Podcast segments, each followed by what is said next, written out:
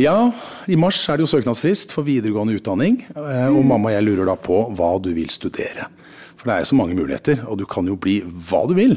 Ja, det virker som om det er noen spennende muligheter innen Ja. yrkesfag, da. Ja, eksempel. eh, men altså akkurat når det gjelder yrkesfag, så har mamma og jeg massevis av fordommer som kommer til å avgjøre valget ditt. Eh, For det første så er jo yrkesfag det er for folk uten ambisjoner. Ja. Eh, Og så stenger du alle dører til høyere utdanning. eh, Og så har de ikke bøker engang. Mm. Eller klasserom, har jeg hørt. Så du velger allmennfag. Ja, Ja, Som foreldre påvirker man barna mer enn man tror. Bli oppdatert på alle de spennende studiemulighetene på yrkesfag.no. Du hører på Dødsvarslene fra Svarttrost. Dette er den femte og siste episoden, og det er Ida Karine Gullvik som forteller. Høsten 1936 sitter Ingeborg på Vinneren psykiatriske klinikk. Hun har blitt 41 år. De to siste årene av livet hennes har hun tilbrakt inn og ut av rettssalen. Navnet hennes har blitt slått opp i avisene igjen og igjen. Framfor henne sitter to psykiatere. Hun har fortalt hva som skjedde den dagen faren hennes døde, men psykiaterne spør og spør kan hun ha glemt noe? Til slutt spør Ingeborg en av dem. Kan de virkelig tenke at jeg har drept min far? Det virker utrolig, uforståelig, umulig. Men hva om Ingeborg ikke har vært helt seg sjøl? Og det er det psykiaterne prøver å finne ut av. Er Ingeborg egentlig gal? Alt det hun hevder hun har opplevd, seansene, synene, åndene, er det resultatet av en psykisk sykdom? De siste tiårene har psykiatrien fått en ny diagnose. Schizofreni, eller ei spalta personlighet.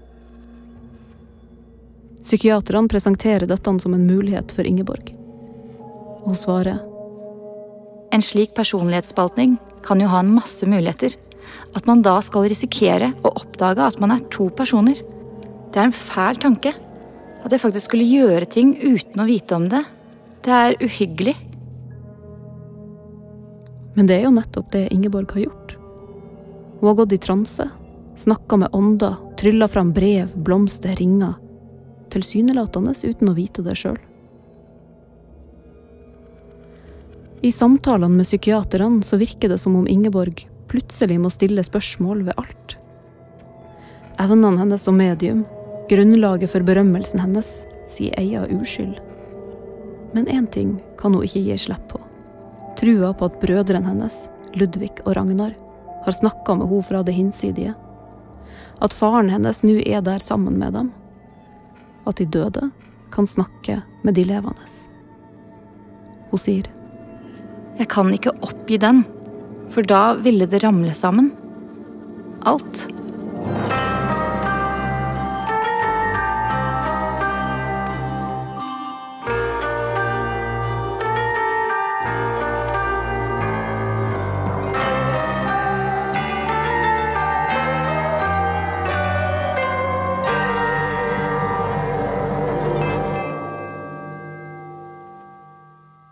Men rundt Ingeborg har det meste ramla sammen allerede. I april 1936 blir hun arrestert hjemme i leiligheta si i Tostrup terrasse. Hun blir mistenkt for å ha drept sin far, byfogd Dahl. Hva som skal ha vært Ingeborg sitt motiv? Vel, politiet sin teori ser ut til å ha vært at byfogd Dahl måtte dø, for å sikre at familien sitt underslag fra byfogdkassen i Fredrikstad ikke skulle oppdages og at enten så har Ingeborg drept byfogden sjøl, eller hjulpet han med å begå selvmord. Nå settes en ny rettslig forundersøkelse i gang. Ingeborg forlater et liv med malerier og bøker, teselskaper og somre på Hankø.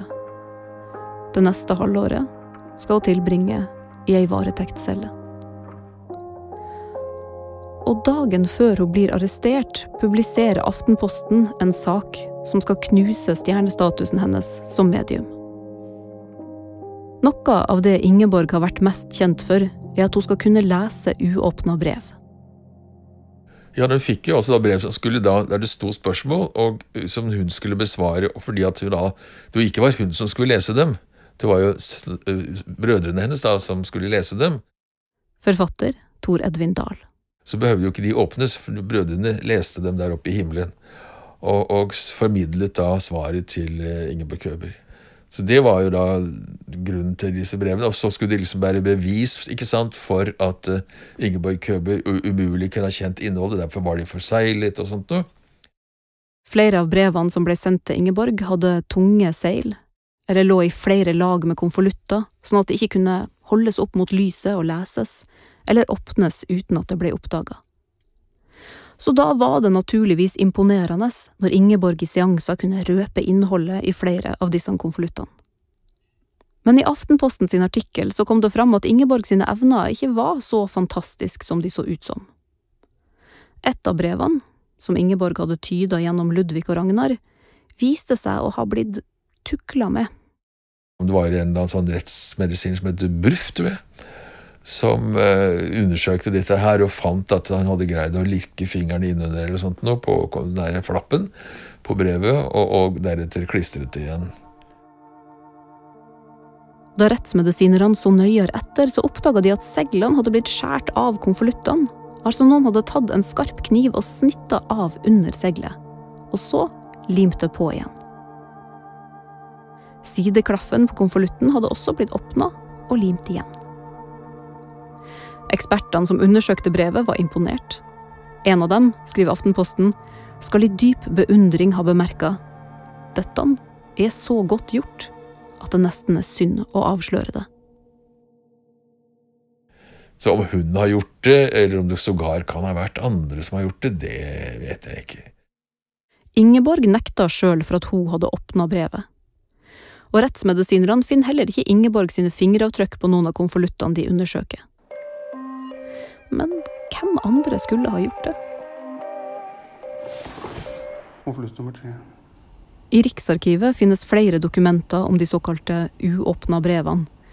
Og her er det også et tilsynelatende uomtvistelig bevis på at Ingeborg må ha tukla med i alle fall ett brev. Her, apropos fingeravtrykket, her ser du veldig detaljert. Ekstremt detaljert, må jeg si. Så her er det jo da hvorvidt Skal vi gjette at de har funnet fingeravtrykk på foto. Historiker Øyvind Ødegård og jeg ser på et nærbilde av et fingeravtrykk i et lakseil. Dette er det famøse kodebrevet som avslørte at byfogd Dahl sin død var forutsagt ett år i forveien. Og byfogden skal sjøl ha forsegla brevet med å sette tommelfingeren sin i lakken. Men når man undersøker det, så viser det seg at det er Ingeborg sin pekefinger. Som vi ser her. Ja. For der har, der har vi seilet, og så har de avtrykt Ingeborg der, ja. Så det blir jo sett som et bevis på at Ingeborg har, eh, skal ikke vite innholdet i brevet, men har åpna brevet og lest det. Før hun har forsegla det. Ja.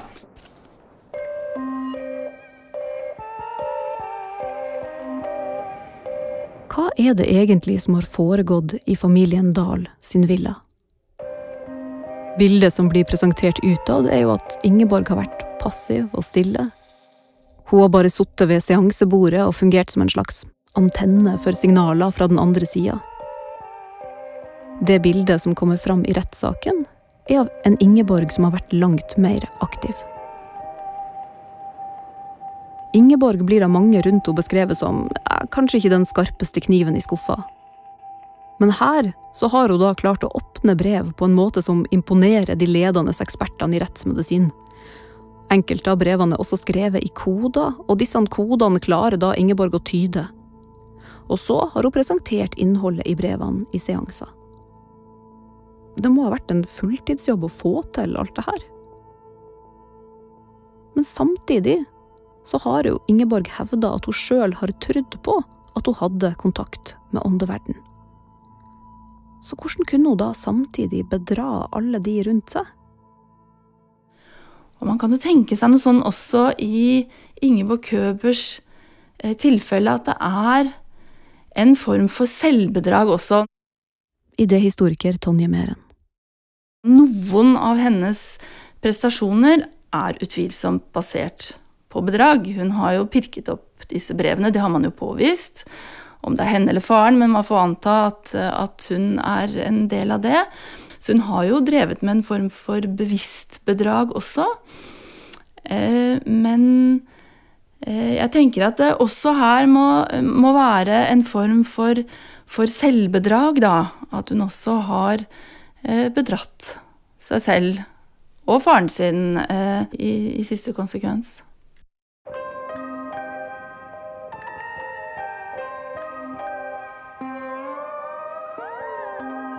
Det er her jeg kjenner at hjernen min begynner å slå krøll på seg. Jeg føler at jeg har møtt så mange forskjellige Ingeborger i denne historien. Den lille, oversette jenta. Den bedradde kona. Det passive mediet som styres av faren sine ambisjoner. Og i skyggene kvinner som åpner brev uten å bli oppdaga, knekker koder, lurer psykiske forskere og bedrar alle rundt seg. Hvem av alle disse er den ekte Ingeborg? Og her, her er vi i kjernen av denne historien. For jo mer jeg har lest om Ingeborg, og jo mer jeg har snakka med de som kjente henne, så tenker jeg at mysteriet i Køber-saken, det handler ikke egentlig om hva som skjedde da byfolk Dahl døde. Det handler om Ingeborg sjøl. Hvem var hun egentlig? Eller hvordan klarte hun å være så mange forskjellige personer? Altså, Jeg har lurt veldig på hva slags menneske var det, hvordan fungerte hun? Forfatter Tor Edvin Dahl. Og jeg tror at hun trodde på det selv. Jeg tror at hun nok forestilte seg at hun hadde virkelig evnen til å kontakt med, med, med, med sine brødre. Men, men, samtidig så har hun Og det er sånt jeg har sett på også hos andre mennesker som si, spiller en sånn religiøs rolle, at samtidig med at de, de tror, så driver de og trikser litt. Og, og de, de, blir revet med av den situasjonen de har havnet i. Og da begynner etter hvert at man f.eks. da åpner brev som ikke skulle vært åpnet, og man prøver å, å lirke seg fram til ting. Så jeg tror som sagt at hun, hun hadde, hadde overbevisning om at dette alt sammen var riktig og sant. Da Tor Edvin Dahl skrev si bok om Køber-saken, så var Ingeborg fortsatt i live. Jeg skrev til henne og får svar, ikke sant, og ja, det bare kom. Ingeborg var rundt 80 år gammel. Tor Edvin, en ung forfatter på ca. 30. Jeg oppdager jo plutselig at hun, da jeg møtte henne, så var hun så gammel som det jeg er nå. Det er litt pussig å tenke på. Ingeborg hadde flytta til Danmark etter krigen. Begge ungene hennes hadde etablert seg her, og det var kanskje også godt å komme til et sted der Køber-saken ikke var noe som alle kjente til. Tor Edvin ble invitert hjem til henne. Og hadde en pen, liten leilighet i, midt i København. Eh, og jeg ble servert litt glatt med sherry, tror jeg, altså noen kaker. Og fikk sitte da i en sånn pen eh, stue med mye gardiner og mye sånne nips og ting. Masse blomsterplanter. Duker alle steder. Ikke sånn veldig moderne på noe vis, men hyggelig. Ingeborg sjøl var imøtekommende. Var en søt eldre dame. Og hun snakket eh, helt standard gammeldags norsk, eh, husker jeg. Så hun var veldig søt og imøtekommende og svarte på alle spørsmål. og var ja, konverserte meg som en dannet eldre dame. Her er vi igjen med denne beskrivelsen av Ingeborg som harmløs, som søt og snill, en som ikke gjorde noen noe fortred. Men fantes det en annen Ingeborg også? Det store spørsmålet, også i boka som Tor Edvin skrev, var jo til syvende og sist gjorde hun det? Jeg spurte henne jo ikke, eksempel, drepte du faren din? Ikke sant? Det, var ikke den type samtaler. Altså, når jeg leser om så veksler jeg mellom en sånn her er, er hun et offer? Eller er hun har hun en sånn dyp, mørk intelligens som hun har klart å skjule for folk? Er hun en svindler og en morder, eller er hun et offer? Hva, hva slags inntrykk satte du igjen med? Ja, altså, Da jeg skrev boka og på en måte da måtte gjøre meg opp en mening om dette, så syntes jeg at det, det var jo fortsatt i live, og jeg kunne ikke egentlig gjøre meg opp noen mening utover det at jeg liksom dokumenterte eh, så langt jeg kunne alt det som hadde hendt.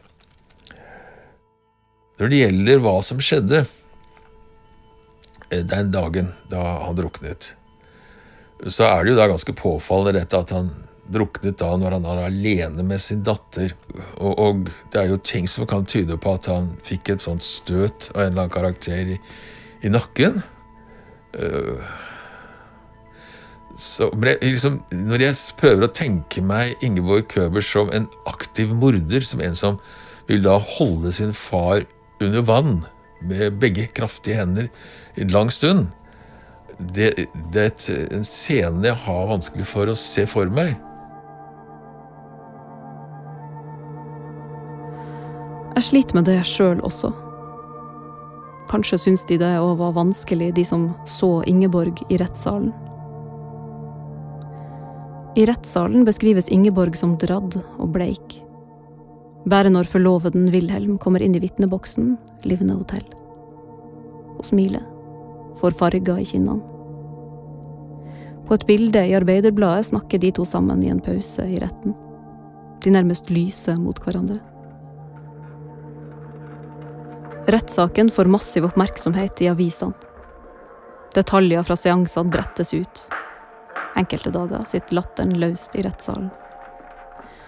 Det virker som om det er noe befriende med å kunne gjøre narr av Ingeborg og de som trodde på henne.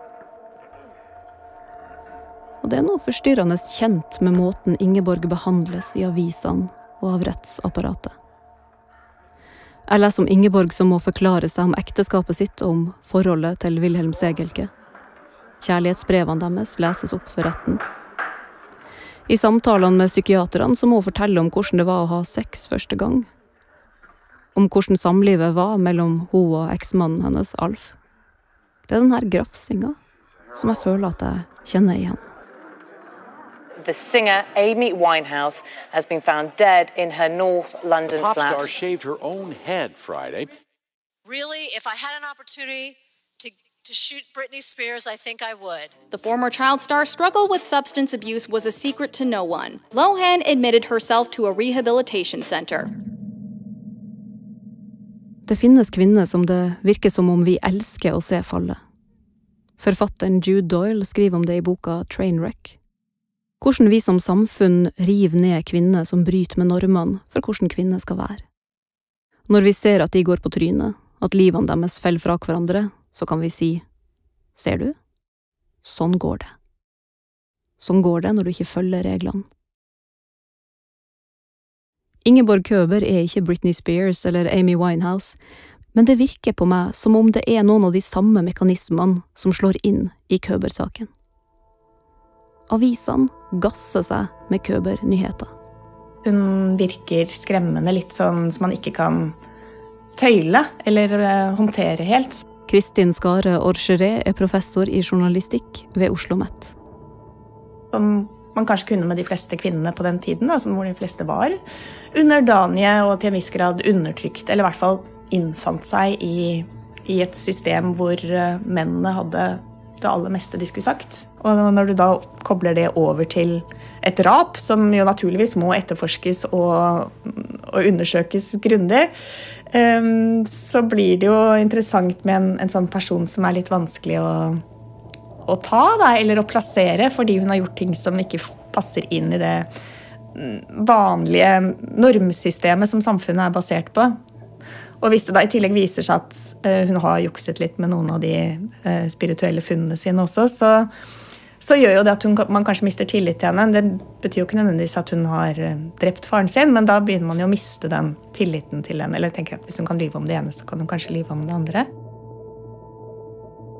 Også datidens kjendiser følger saken. En dag sitter Knut Hamsun i salen.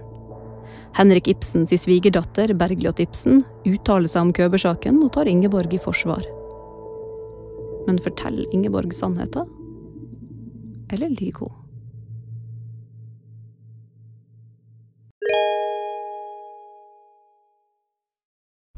Agnete, her er ei gåte. Hva kan du kutte uten å bruke en skarp gjenstand?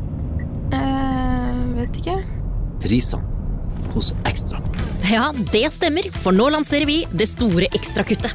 Enda lavere priser på allerede billige produkter. Vi kutter prisene på over 150 utvalgte produkter fra bl.a. Nora, Lano, Santa Maria og Toro. Gjør det billig hos Ekstra. Før du hører videre, så vil jeg tipse deg om en annen serie som du finner her i Svarttrost Dukk. En dag snubla kollegaen min Ida over noen papirer hjemme hos faren sin. En bunke dokumenter stempla konfidensielt. Brev som var blitt sendt til sjefen for overvåkningspolitiet om faren hennes. Vi var jo klar over det helt fra begynnelsen, at eh, overvåka, det ble vi. Da Ida begynte å bla i mappa, så så hun at flere av rapportene må ha kommet fra noen faren kjente. Kanskje noen han jobba med, eller en venn. Jeg trodde i hvert fall han var en god kompis, han var veldig interessert i meg. Vi satt om kvelden og drakk øl og prata, og jeg fortalte alt mulig rørt. Men hvem var det som tysta på han? Man skulle nesten ønske at noen av de her som var de her tysterne, hvordan har de hatt det egentlig? Er det noen som har snakka med dem? Hør Overvåket om Norges glemte spioner i Svarttrost Nå tilbake til episoden. I dokumentmappen i kjelleren på Riksarkivet finner man flere av forsøkene på å løse opp i denne floka. Og der har du jaggu meg ryggvirvelen. Eller nakkevirvelen, vil jeg tro. Røntgenbilde av Med en pil da, der de mener at det har vært et en brist. brist. I ei arkivmappe ligger flere røntgenbilder av ryggrader med piler som peker på skader. Skader som ligner på den man fant i Byfogd Dahl sin nakke. Dette er forsøk på å bevise om Ingeborg kan ha knekt nakken på faren sin, sånn som Scharfenberg hevda. At hun skal ha kverka sin egen far. Det er denne skaden som blir avgjørende for at man tror at byfogden har blitt utsatt for noe mer enn bare ei drukningsulykke. Bildene vi ser her er ikke av byfogden sin nakke, men det er et bilde fra et av eksperimentene som ble utført på 26 lik, for å se om man klarte å gjenskape den skaden som byfogden fikk, og hvor mye kraft som skulle til for å lage en sånn brist. Det er en sånn vanvittig scene å se for seg. 26 lik som bendes og brytes på for å avgjøre om byfogden sin død var en ulykke eller et mord. Det må ha vært ganske underlige arbeidsdager på rettsmedisinsk avdeling i denne tida. Men hva forteller skaden i byfogden sin nakke oss egentlig? Viser den at Ingeborg er en morder? Her trenger jeg hjelp. Hjelp fra en som kan se forskjell på et mord og et uhell. Ja, eh, jeg heter Hege Katrine Lutkus og er overlege her på eh, avdeling for rettsmedisinske fag. Jeg har fått Hege til å se på obduksjonsrapportene av Byfogd Dahl og på beskrivelsen av skaden i nakken hans. Den skaden man så hos eh, Byfogd Dahl, så er det ofte forårsaket av en overbøyning av nakken bakover. Sånn at den sprekker opp eh, fortil i eh, ryggraden. Kjernespørsmålet her er hvor stor kraft som skal til for å lage en sånn sprekk mellom nakkevirvlene. Kan den ha oppstått da Ingeborg forsøkte å dra faren inn til land, eller må hun ha bøyd hodet hans bakover med stor kraft og med vilje? Og svaret her er selvsagt at det er vanskelig å si, men det er ikke sikkert at det krevde så mye kraft. Hvis kroppen er tung i forhold til at man holder hodet, og hun prøver f.eks. å dra oppover mens kroppen henger litt igjen, så kan jo det også være en, en betydelig kraft der, og kan forårsake det. Se for deg at Ingeborg forsøker å slepe faren inn på land. Han er tung, hun klarer ikke å holde hodet hans over vannet, og hun makter bare å få overkroppen hans inn på land. Hun hviler hodet hans mot en stein. Den tunge kroppen som hun forsøker å slepe ut av vannet, det kan kanskje ha vært nok til at hodet bøyes på en måte som gjør at det oppstår en brist mellom to nakkevirvler. Men det er også en annen faktor som kan ha spilt ei rolle da byfogden drukna. Byfogden sitt hjerte. Det er beskrevet å være ganske stort i forhold til kroppsvekten. Eh, Og et forstørret hjerte kan jo gi da eh, risiko for at eh, enten om han har hatt en en sånn hjerterytmeforstyrrelse, som vi, kan, som vi kaller det. Eller om han har hatt f.eks. et hjerteinfarkt. Det står ikke noe om et infarkt i obduksjonsrapporten. Men det er ikke sikkert at legene ville sett det. Det er vanskelig å se på obduksjonen. Et ferskt hjerteinfarkt må man som regel overleve seks til ti timer, sier man røftlig, før man kan se på det på obduksjonen. Byfogden roper jo at han får krampe. I noen av rettspapirene står det at han fikk krampe i beina, og i andre bare at han roper 'Ingeborg, krampe'. Hva er riktig her? Har Ingeborg huska feil? Eller har de som gjengir hennes forklaring, huska feil? Noen kan jo få en sånn snurpefølelse si, i brystet eh, under et hjerteinfarkt, eller også en sånn hjertearytmi, da, en uregelmessig hjerterytme. Som kan føle at det liksom på en måte tetner det til i, i brystet. Og får litt vanskeligheter med å puste også. Kan dette være ei forklaring på at byfogden plutselig går under den dagen på Hankø? Et hjerteinfarkt som ikke synes i obduksjonen? Samtidig, historiker Aivo de Figureido skrev om dette i 2010. Også han fikk en rettsmedisiner til å se på obduksjonsrapporten. Og der helte resultatet mer mot at det var vold inne i bildet. Så hva skal man si? Det eneste vi vet, er at byfogden drukna. Hva som skjedde før han drukna, det er umulig å si. Men alt i alt så støtter jeg denne konklusjonen deres med, med at, eh, at drukning er dødsårsaken. Og at den skaden ikke har hatt betydning for selve dødsfallet, da. Det vi til slutt står igjen med, er dødsforutsigelsene. Og de er det vanskelig å komme rundt. Ingeborg kom med hint om at faren skulle dø mange, mange ganger i løpet av året før han drukna. Og finnes det egentlig noen annen forklaring på dem enn at hun sjøl planla faren sitt dødsfall. Tja, vi har jo sett tidligere at Ingeborg har forutsagt flere ting som ikke har gått i oppfyllelse. Kan hun ha tatt en sjanse på at faren, en eldre mann, kom til å komme ut for ei ulykke, og at det ville sett bra ut dersom hun klarte å forutsi hans død? Dersom han ikke hadde dødd i august 1934, så risikerte hun jo ikke egentlig så mye og kunne sagt at åndene greip inn, sånn som de gjorde med tante Katinka. Og de koda brevene. Så lenge byfogden ikke døde, så ville jo ikke de bli åpna. Jeg sier ikke at det var dette som skjedde.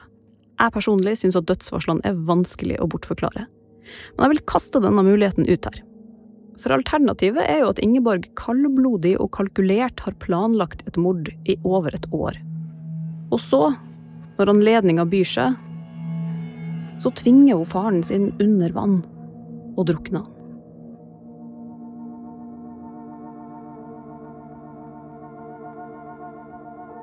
Det var altså disse spørsmålene dommeren i Køber-saken satt og balte med våren 1937.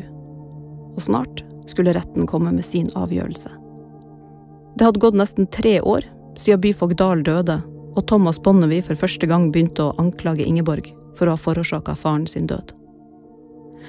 Og noe av det jeg fortsatt ikke vet om jeg har fått svar på, er hvorfor? Hvorfor var det så viktig for Scharfenberg og Bonnevie å få has på henne? Hvorfor brukte de så mye tid på denne saken? Hvorfor i all verden ble Ingeborg så farlig i deres øyne? Mens jeg jobba med dette programmet, så kom jeg over et eh, intervju med Margaret Atwood, forfatteren som blant annet har skrevet boka bak den dystopiske TV-serien The Handmaid's Tale og ble spurt om hekseprosesser. Om hva det er som gjør at vi går i flokk for å jakte på én person. Noen som vi tenker utgjør en fare for samfunnet. Og hun sier at denne typen prosesser det er noe vi ser hver gang et samfunn er under press. I think it's the kind of event that replays itself throughout history when cultures come under stress. Man velger seg et menneske som man kan ofre. En man kan skylde på. En som man kan ta. People start looking around for um, essentially human sacrifices. They, they start looking around for somebody they can blame. Tenk på Bonnevie. Han som skriver at Ingeborg er en trussel mot det norske folks åndelige sunnhet. At en dom mot henne vil være en høyst påkrevd renselsesprosess for samfunnet. Uh, and they feel if only they can demolish that person, then everything's going to be okay. It's, it's of course never, never true, but there are these periods in history. Når jeg blar gjennom avisutklippene fra Køber-saken, så står de side ved side med brutale reportasjer fra borgerkrigen i Spania. Og her og der så dukker det opp mer og mer forstyrrende nyhetssaker fra Tyskland. Hvis det noen gang har vært et samfunn under press, så har du det her, i mellomkrigstida. Hele Europa må ha kjent på at virkeligheten sto og vakla. Krigen har jo eh, revet bort eh, troen på stabilitet og sikkerhet i hverdagen. Idéhistoriker Tonje Meren. Man er opptatt av å, å lose samfunnet inn i en sikrere framtid. Og for Scharfenberg og Bonnevie, vitenskapens og fornuftens menn som de jo var, så må Ingeborg ha kjent det som en trussel. Spiritismen og alt det hun sto for, var et mørke. Noe de frykta. En moderne middelalder er de redd for. De er redd for at den utviklingen altså De har jo en enorm framskrittstro, og de ser jo da at, eh, at dette er truet av eh, religion og spiritisme, som de eh, opplever som på en måte menneskehetens barnestadium. Da, som primitivt og, og reaksjonært. Og det oppleves som truende. Scharfenberg og Bonnevie er redd for at verden de forsøker å bygge, kan rase sammen. Og så dukker Ingeborg opp. Og hun er lett å ta. På denne tiden så Alt jeg hører, så bryter jo Ingeborg veldig med forventningene til hva en kvinne skal være. Professor Kristin Skare Aarskjeret. Bare det at hun lever i et utenomekteskapelig forhold, altså er skilt eller separert og har en ny eh, samboer, elsker, er jo sant, litt promiskuøse. Det skremmende sikkert for det etablerte. Jeg tror ikke Ingeborg på noen som helst måte var en rebell. Hun tilhørte det gamle borgerskapet, og hun prøvde å leve livet sitt etter de reglene som fantes. Men kanskje opplevde hun at spiritismen ga hun et handlingsrom. Rom til å tenke, til å dikte, til å skape verden sånn som hun kanskje skulle ønske at den var. Gjennom Ludvig og Ragnar så ga hun seg sjøl lov til å ta plass, til å bli sedd. Og da stilte hun seg også lagelig til for hogg. Den 24. februar blir rettsundersøkelsen mot Ingeborg avslutta. Men først den sommeren, 7. juli, kommer avgjørelsen. Saken henlegges på bevisets stilling. Etter alt som har vært oppe i rettssaken, alle spekulasjonene, vitnene, undersøkelsene av uåpna brev, avanserte analysemetoder, 26 lik som har blitt bent og bøyd hit og dit, og hele Ingeborgs liv bretta ut for avisene og Knut Hamsun og verden og dens oldemor, så står og faller saken til slutt på én ting. I retten sin avgjørelse så står det Da man intet øyenvitne har til selve dødsfallet, foreligger det ikke tilstrekkelige bevis. Ingeborg har gitt sin forklaring. Det finnes ikke noen beviser som gjør at man kan se bort fra den. Psykiaterne har også lagt fram sin konklusjon. De kan ikke se at Ingeborg er utilregnelig eller sinnssyk eller har ei spalta personlighet. Så Ingeborg går fri. Eller gjør hun egentlig det?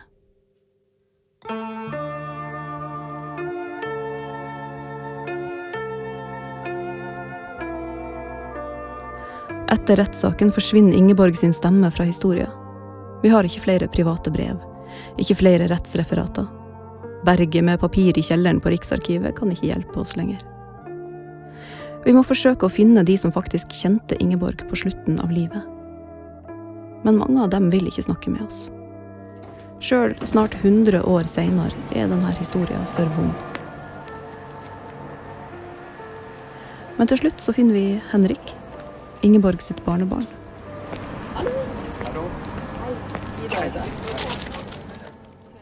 Vi bruker lang tid på å få avtalt et møte. Henrik er forsiktig. Det virker som han er redd for at han skal si noe feil. Redd for at det å fortelle denne historien skal rive opp et gammelt sår. Men til slutt så går han med på å møte oss. Ja. Hører jeg forstår det. Beklager at vi kommer med sånt enormt litt skummelt utstyr. Vi treffer han på en togstasjon i en liten by utenfor København. Han har vokst opp i Danmark, dit Ingeborg flytta etter krigen. Men han snakker et nesten feilfritt norsk med oss. En arv etter farmora og somrene på Hankø. Henrik kjente ikke Ingeborg sånn som hun var i byfogden sine bøker eller i rettsdokumenter og avisartikler. Hun ville være en helt vanlig farmor sin, og mormor for sine barnebarn. Og ikke være noe, noe spesielt eller eh, så, så, derfor så var det liksom at uh, man snakket aldri om om saken, om uh, spiritisme eller, eller, noe. Det, det bare kom jo som en, en overraskelse for meg da jeg vokste opp og, og oppdaget hva som hadde hendt. Historie om rettssaken, om spiritismen og om byfogd Dahl sin død, den snakker ikke familien om. Alle, alle virket som de, de ville glemme. Da var det bare Så da snakker vi ikke mer om det. Så jeg har aldri noensinne snakket med, med Mommo om det. Ingeborg fortsatte å holde seanser, men det var bare for de aller nærmeste. Og etter overgangsalderen fortalte hun at evnene hennes forsvant, ifølge Tor Edvin Dahl. Så for Henrik så var Ingeborg bare Mommo, som de besøkte i København. Jeg husker fra leiligheten, var spesielt at det var eh, veldig mye bilder, man, mange malerier på veggene. De hang i, i, uh, i, to rekker i den store stuen. Og så var det sånn uh, en uh, hjørnesofa. Det var vel sånn bordeauxfarget velur, sier man det. Der hadde mormor sin plass. Hun alltid satt og røkte. Hun røkte veldig mye. Hun hadde alltid veldig mange besøk og hadde mange veldig trofaste venner fra Norge. Så, og, og, og, og, skaffet seg også en, en stor eh, vennekrets i, i København. Som, som, barnebarn hadde man også alltid en stående invitasjon kunne bare komme. Eller ringe, ringe forveien, naturligvis, og si at, at man kom. Og det gjorde jeg altfor sjeldent.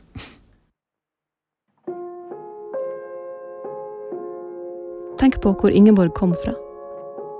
Den lille jenta som sto utafor og så inn. Sjøl i sin egen familie, der de to brødrene Ludvig og Ragnar var de som var høyst elska. Ingeborg, som fikk en lånt status fordi hun klarte å bringe disse brødrene tilbake til livet igjen gjennom seansene. På noen måter unner jeg henne virkelig dette. Å være sentrum i en stor familie. Ei elska farmor og mormor. Som ler og røyker og fyller huset sitt med gjester.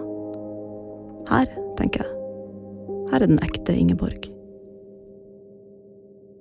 De som kjente henne i denne tida, forteller om ei intelligent og morsom dame. Elegant. Hadde et stort, eh, sånn grått hår. Så et mildt ansikt, og så var hun ikke så særlig høy. Litt overvektig, men, men hun ble jo sånn etter hvert eh, tynnere og tynnere eh, som, som, som årene gikk. Familien fortsatte å feriere i sommerhuset på Hankø. Og, og så husker jeg da i hvert fall at hun alltid uh, skulle ut og gå tur. Og så det, hadde hun sine spesielle veier. Og no, et par ganger, så, noen ganger så var jeg med. Fulgte jeg henne. Og så, så gikk vi sammen. Det, det er litt sånn barndoms eh, det, var liksom Det er noen bilder i hodet, men, men ikke, ikke særlig eh, mye om innholdet. Hvilke bilder har du? Ja, ja, jeg har det bildet at vi gikk sammen. gikk det som uh, heter Breineveien. Det var sånn, en vei som gikk rundt en eh, Som var sånn var kanskje tre kilometer eller sånn, som var en passende tur for en eldre dame å gå. Bregneveien. Den veien Ingeborg og Wilhelm gikk sammen. Forelska. Før alt falt fra hverandre rundt dem. Men de holdt sammen, hun og han. De gifte seg. Barnebarn blir født. Og Ingeborg er igjen en del av en stor familie. Samtidig så holdt hun det gamle livet sitt skjult. Det var ikke før Tor Edvin Dahls bok kom ut i 1975 at Henrik fikk vite om farmora si historie. Boka ble også gitt ut som en føljetong i Dagbladet, og oppmerksomheten rundt saken gikk inn på familien. Det var veldig eh, hardt for min farmor å oppleve det. Altså, det var liksom enighet om det. Det, det, det kunne ha ventet noen år til uh, hun ikke levde lenger. Hun levde heller ikke så lang tid etter. Hun døde i to år etter. Ingeborg ble aldri fri fra Køber-saken. Bonnevie og Scharfenbergs kampanje skulle med jevne mellomrom dukke opp igjen. Og på tross av at saken mot henne ble henlagt, så forsvant aldri spørsmålet om Ingeborg var et medium eller en morder. Saken forfulgte henne hele livet. Og den forfølger henne fortsatt. Flere har sett på muligheten til å lage en film om Ingeborg og familien. To musikaler ble skrevet. Én inneholder visstnok en sang om de 26 likene som rettsmedisinerne knekte nakken på. Tro det eller ei. Historiker Aivo de Figureido ga ut ei kritikerrost bok om Køber-saken i 2010. Harald Svart kjøpte scenerettighetene og lagde en av disse to musikalene. For ikke å snakke om oss, som nå forteller historien om Ingeborg på nytt igjen i denne podkasten. Historia til Ingeborg har blitt større enn hun sjøl. En fabel. Og særlig på Hankø, der den gamle byfogdvillaen fortsatt står, så lever Ingeborg videre. Og i mange år ante ikke jeg noe annet om det huset enn at det spøkte der, og at det var dansker som bodde der. Eirin Forsberg vokste opp på Hankø på 70- og 80-tallet. Foreldrene drev hotellet der ute, og de var noen av de få som bodde på øya hele året. Så når alle sommergjestene reiste hjem, så var jo Hanke til meg og mine venninner. Eller meg og søsknene mine, da. Og disse gamle sveitservillaene, i hvert fall på 70- og 80-tallet, så var det jo så å si bare å gå inn. Det var alltid en eller annen dør som sto åpen, så jeg har Jeg vet ikke om jeg tør å si det engang, men jeg har vært inne i mange av husene som var tilgjengelige, tilgjengelig, blant annet da Køberhuset. Det er spesielt én opplevelse hun husker godt. En senhøstdag når hun er rundt tolv år gammel. Hun og ei venninne har bestemt seg for å utforske Købervillaen. Hvorfor bare er der. Vi er jo aldri der inne lenge. Det er bare fordi det er ulovlig å gjøre det, og at det er det her i seg selv som er spennende. Og det huset ligger inne i skogen. Så det er mørkt. Men ikke mørkt at vi ikke ser hverandre, men vi ser hverandre. Alt er gråfarger, da. Det er den stemningen der. Mens de står der, i halvmørket, ser de noe som beveger seg utafor vinduet. Det er jo en hvit skikkelse. Hvit kjole. Hvitt, eh, og hvor jeg har det fra, det vet jeg ikke. Men det var en hvit skikkelse som gikk rundt huset. Forbi. Som vi syns vi så, da. Skikkelsen kommer ut av skogen. Så går de rundt vinduene og ser inn på oss. Men bare å bli borte. Det er som, seil, som mennesket seiler forbi oss. Så det er jo et spøkelse, da. Men det er, et, det er en kvinneskikkelse.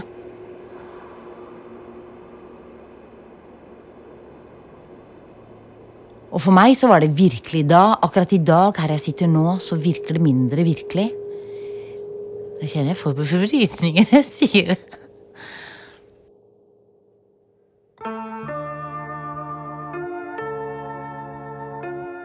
Sånn lever Køber-saken videre. På scener, som spøkelseshistorie, i bøker og i podkaster. Men hva er det som gjør at vi ikke klarer å slutte å fortelle historier om Ingeborg? Eirin sier noe som jeg fester meg ved. Hvis hun er uskyldig, så er det ah, da dør hele myten. Det er vi som har behov for å tenke at Ingeborg planla et mord. For hva er igjen hvis det ikke stemmer? En serie tilfeldigheter? Og hvem vil vel leve i en sånn verden? En verden uten gåter som kan løses. En verden uten mysterier. På den måten så er kanskje ikke vi så forskjellige fra seansedeltakerne som samla seg rundt Ingeborg. Vi ser også det vi har lyst til å se. Men det er vel de to grunnene til at måte, vi har behov for at hun er skyldig. Først når hun da ble arrestert, så var behovet der for å utdrive på en måte all, all den redselen og det sinnet og kanskje misunnelsen eller hva det nå enn er i forhold til henne, og ta henne ned. Og i dag er det for å opprettholde myten om henne.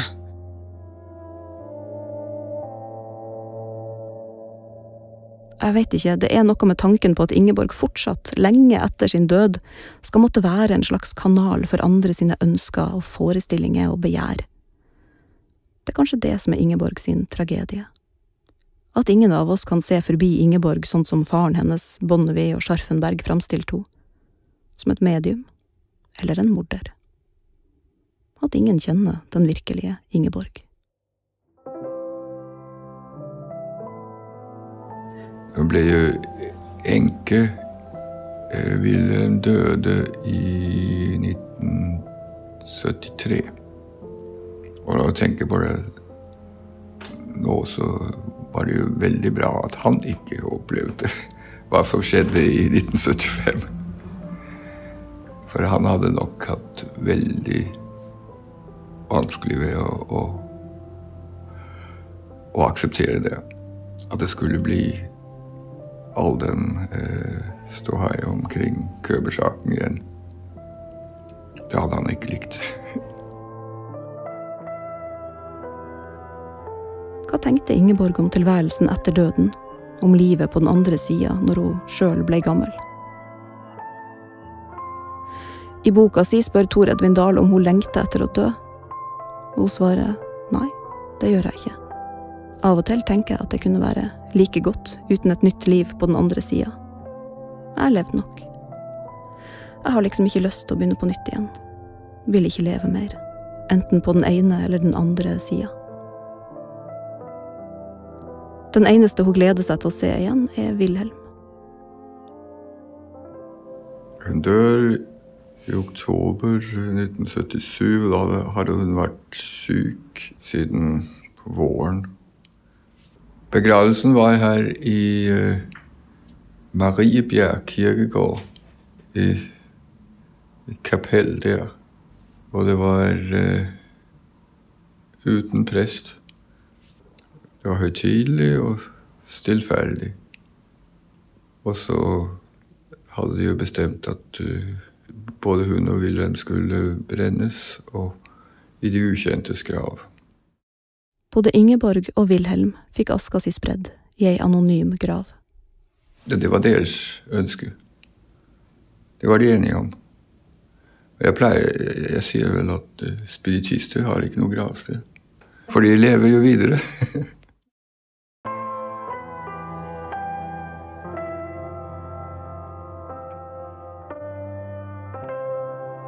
Dette var den femte og siste delen av Dødsvarslene, laga av Ida Karine Gullvik for Svarttrost. Lyddesign og sluttmiks av Hans Kristen Hyrve. Malin Schumacher leste sitatene fra Ingeborg Køber. Originalmusikk av Geir Sundstøl. Konsulent var Ellen Wisløff, og redaktør er Kari Hesthamar. Beskrivelser og sitater i denne episoden er henta fra rettsdokumentene fra Køber-saken den rettspsykiatriske rapporten om Ingeborg Køber og fra pressedekningen av saken. Aivo de Figuredos bok 'Mysteriet Ingeborg Køber' var også en viktig inngang til denne historien. Noen av sitatene har vi modernisert for dagens ører. Arkivklippa i denne episoden var henta fra billmoyers.com, CNN, ABC News, CBSN og AP Archives, og YouTube-kontoene til Sky News og Miss Mojo. Tusen takk til Riksarkivet og Nasjonalbiblioteket for hjelp til å finne fram materialet. Og ikke minst, takk til deg for at du har hørt på.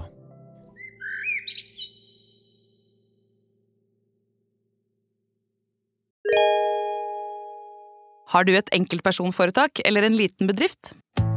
Da kjenner du kanskje følelsen av å skulle gjøre regnskapet, men så var det de kvitteringene, da. Hvor har de gjort av seg? Med fiken får du en egen app for kvitteringer. Bare ta bilde og kast papiret, så tolker fiken kvitteringen og legger inn det som trengs i regnskapet. Gjør som over 70 000 andre, ta regnskapet selv med fiken. Prøv gratis på fiken.no.